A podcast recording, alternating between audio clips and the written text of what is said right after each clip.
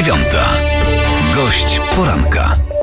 A drugą godzinę naszej audycji, proszę Państwa, rozpoczniemy od rozmowy z panią minister klimatu i środowiska Anną Moskwą. Dzień dobry. Dzień dobry.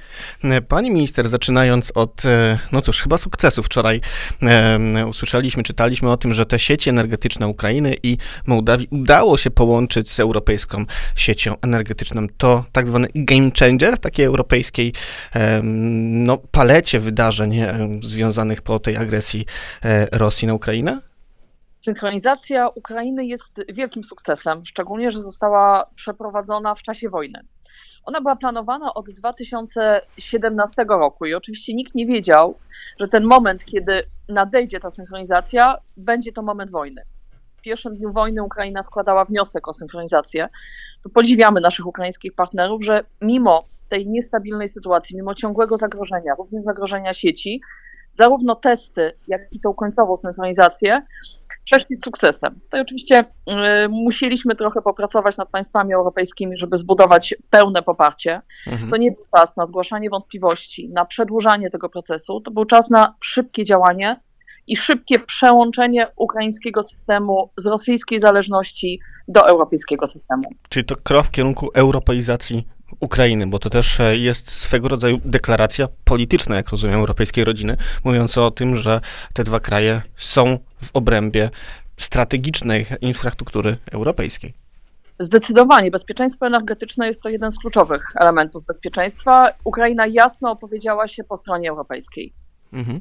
A w jaki sposób ten konflikt, ta agresja Rosji na Ukrainę może dalej wpłynąć na europejskie polityki klimatyczne? Mamy nadzieję, że to będzie moment y, przebudzenia. Oczywiście y, szkoda i bardzo źle jest, że ten moment przebudzenia y, wykonuje się w takich okolicznościach, że Unia Europejska wcześniej nie postawiła na bezpieczeństwo energetyczne. Mhm. Dotychczas priorytetem wszystkich polityk klimatycznych, energetycznych, transformacyjnych, podstawą tych polityk była dekarbonizacja zero niskoemisyjność. Mhm. Bardzo mało się tam mówiło w niektórych dokumentach wcale o bezpieczeństwie energetycznym. No w Glasgow na przykład, na szczycie klimatycznym mówiono w zasadzie wyłącznie o e, zeroemisyjności jako celu głównym, nawet nie Unii Europejskiej, ale w ogóle globalnym. Czy myśli pani minister, że ta rosyjska agresja faktycznie może pokazać, że bezpieczeństwo jest równie ważne, co e, ochrona środowiska, bezpieczeństwo energetyczne oczywiście? Wierzymy, że to jest czas, że Unia Europejska zrozumie, co jest naprawdę ważne. Nasza polityka już od lat była przygotowywana do niezależności, do pełnego bezpieczeństwa energetycznego. My apelowaliśmy do państw europejskich o refleksję nad tymi dokumentami. Tam wszędzie się mówi o planecie, o dekarbonizacji. Słowo bezpieczeństwo, stabilne źródła, niezależność nie było priorytetem. Na dzień dzisiejszy widzimy, że państwa Niektóre z zaskoczeniem przyjmują, w jakim stopniu są uzależnione od Federacji Rosyjskiej, w jakim stopniu są uzależnione od źródeł e, zewnętrznych. Kiedy dochodzi do dyskusji, e, my postulujemy natychmiastowe wyjście z tego uzależnienia. Duża część państw absolutnie nie jest na to gotowa. Mhm. E, jednocześnie no, trudno nie powiedzieć chociażby o kwestii niemieckiej. Zdaje się, że to Niemcy są jednymi z głównych, czy mogą być jednymi z głównych przeciwników tych zmian w europejskich politykach klimatycznych. No tak, bo to jest kolejny mit, y, który był w Unii, był w Niemczech, że energetyka nie jest powiązana z polityką. Mhm. Nic bardziej błędnego. Nie ma obszaru bardziej powiązanego z polityką niż y, energetyka.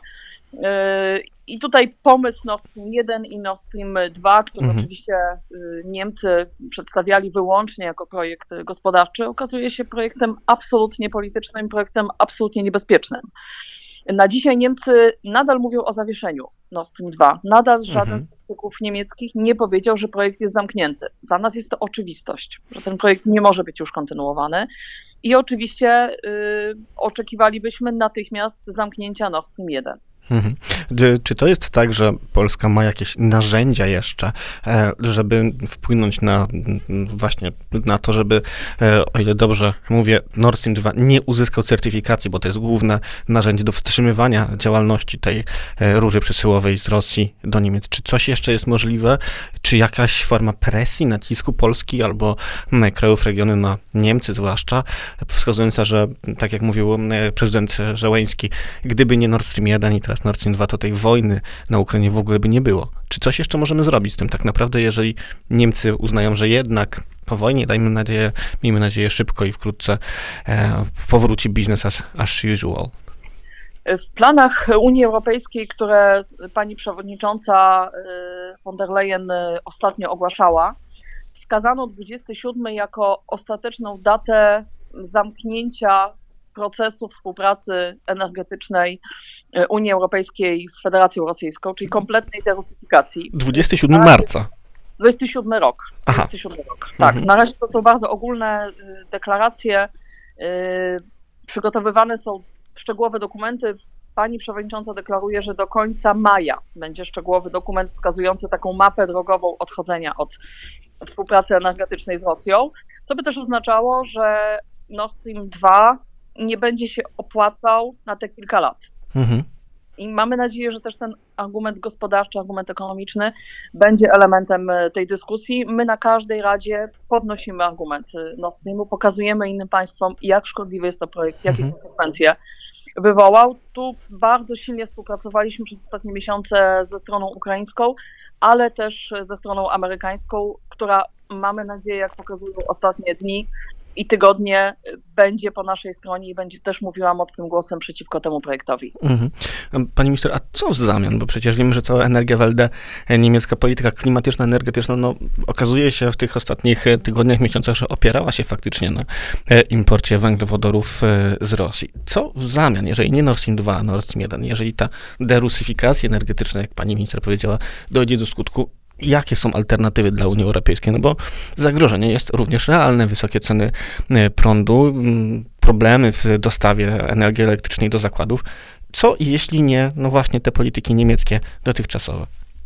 Każde z państw ma swoje inne e, możliwości uniezależniania się od Federacji Rosyjskiej. W wielu wypadkach jest to LNG. My terminal mhm. LNG już mamy, funkcjonuje, jest teraz poszerzany.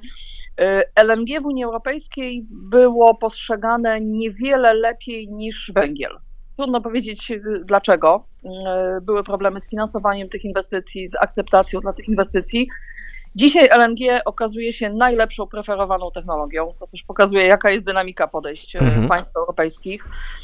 Jest wykonywana analiza, w jakim zakresie mogą być wykorzystywane potencjały już istniejących terminali, infrastruktura przesyłowa, infrastruktura magazynowania ale też państwa, w tym Niemcy, mm, przygotowują bardzo szybko i pilnie projekty swoich terminali LNG. To jest na pewno ta pierwsza odpowiedź e, państw. No, oczywiście Niemcy mają jeszcze elektrownie atomowe, których my mm, nie mamy. Zawsze jest możliwość e, otworzenia tych elektrowni i posiadania własnego, stabilnego, mm, efektywnego finansowo źródła, niezależnego od Federacji y, Rosyjskiej. Y, naszym źródłem jest węgiel. I tak jak deklarowaliśmy w umowie społecznej we wszystkich naszych y, politykach, jest to nasze źródło bezpieczeństwa, gwarancji. Dla nas przyszłościowo będzie też to.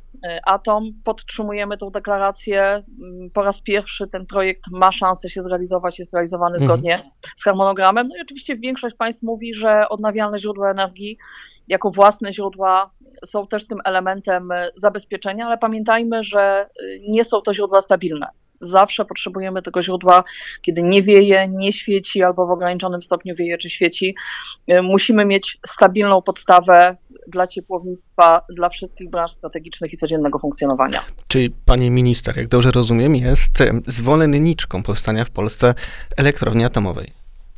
Zdecydowanie tak i cieszę się, że jesteśmy tak konsekwentni w realizacji y, tych planów. 26 to jest czas, kiedy się rozpocznie budowa. Y, wskazaliśmy już lokalizację, pracujemy nad wyborem technologii. 33 mhm. pierwszy reaktor, 43 ostatni reaktor i kolejny etap niezależności energetycznej. Mhm. Jednocześnie mm, to, co dzieje się na Ukrainie, to, co dzieje się w Ukrainie, rosyjskie punktowe ataki na, no właśnie, te źródła energii, na elektrownię atomową w Zaporożu, czy um, ten cały szum informacyjny wokół elektrowni w Czarnobylu pokazuje, że e, no, w świecie istnieją pewne mm, obawy wobec energii atomowej. Czy to nie jest tak, że w tak gorącym okresie e, budowa elektrowni atomowej jest swoistym ryzykiem? Tyle lat funkcjonowaliśmy w sąsiedztwie niemieckich elektrowni atomowych, Niemcy w sąsiedztwie francuskich elektrowni atomowych i własnych. Tak samo w sąsiedztwie ukraińskich elektrowni atomowych. Oczywiście w przypadku. No tak, ale wojny nie było wcześniej. Tak, blisko w Polski. wojny zarówno atak na infrastrukturę gazową, na infrastrukturę ciepłowniczą, na infrastrukturę atomową, każdy atak może być potencjalnie niebezpieczny, ale mówimy tu o absolutnie skrajnej sytuacji. I oczywiście jest też e, w interesie Federacji Rosyjskiej, żebyśmy się wszyscy teraz przestraszyli mhm. E, energii atomowej i pobiegli po nowy kontrakt jamalski. To się mhm. nie stanie. Mhm. E, wiemy z doświadczenia, z obserwacji przestrzeni publicznej, że ten szantaż energetyczny jest jednym z narzędzi Rosji w realizacji swoich celów politycznych, ale jak dobrze rozumie pani minister, pytam panią minister Annę Moskwę, konflikt na Ukrainie, wojna obronna Ukrainy nie opóźni, a przynajmniej nie zakłada pani, że powinno opóźnić budowę elektrowni atomowej w Polsce? Zdecydowanie powinniśmy ten projekt przyspieszyć. Mhm. Mm, to jest bardzo jasna, proszę Państwa, deklaracja. E, I chyba też dobre e, rozpoczęcie wątku e, ostatniego naszej rozmowy, bo musimy pomału już naszą rozmowę kończyć. W jaki sposób pożenić pożenić, połączyć ze sobą klimat z jednej strony, z drugiej strony bezpieczeństwo energetyczne. To, od czego zaczęliśmy naszą rozmowę, pani minister, czyli od tego, że często mówi się o klimacie, konieczności ochrony środowiska, takim głosie dla przyszłych pokoleń, a z drugiej strony no, bardzo jasnym zagrożeniem energetycznym, które ta rosyjska agresja pokazała. Czy to da się w jakiś sposób ze sobą pożenić, te dwa, zdaje się, główne wyzwania ostatnich, czy nawet najbliższych lat? Nasza polityka energetyczna jest dobrą odpowiedzią e, na to pytanie. Ona właśnie taka jest.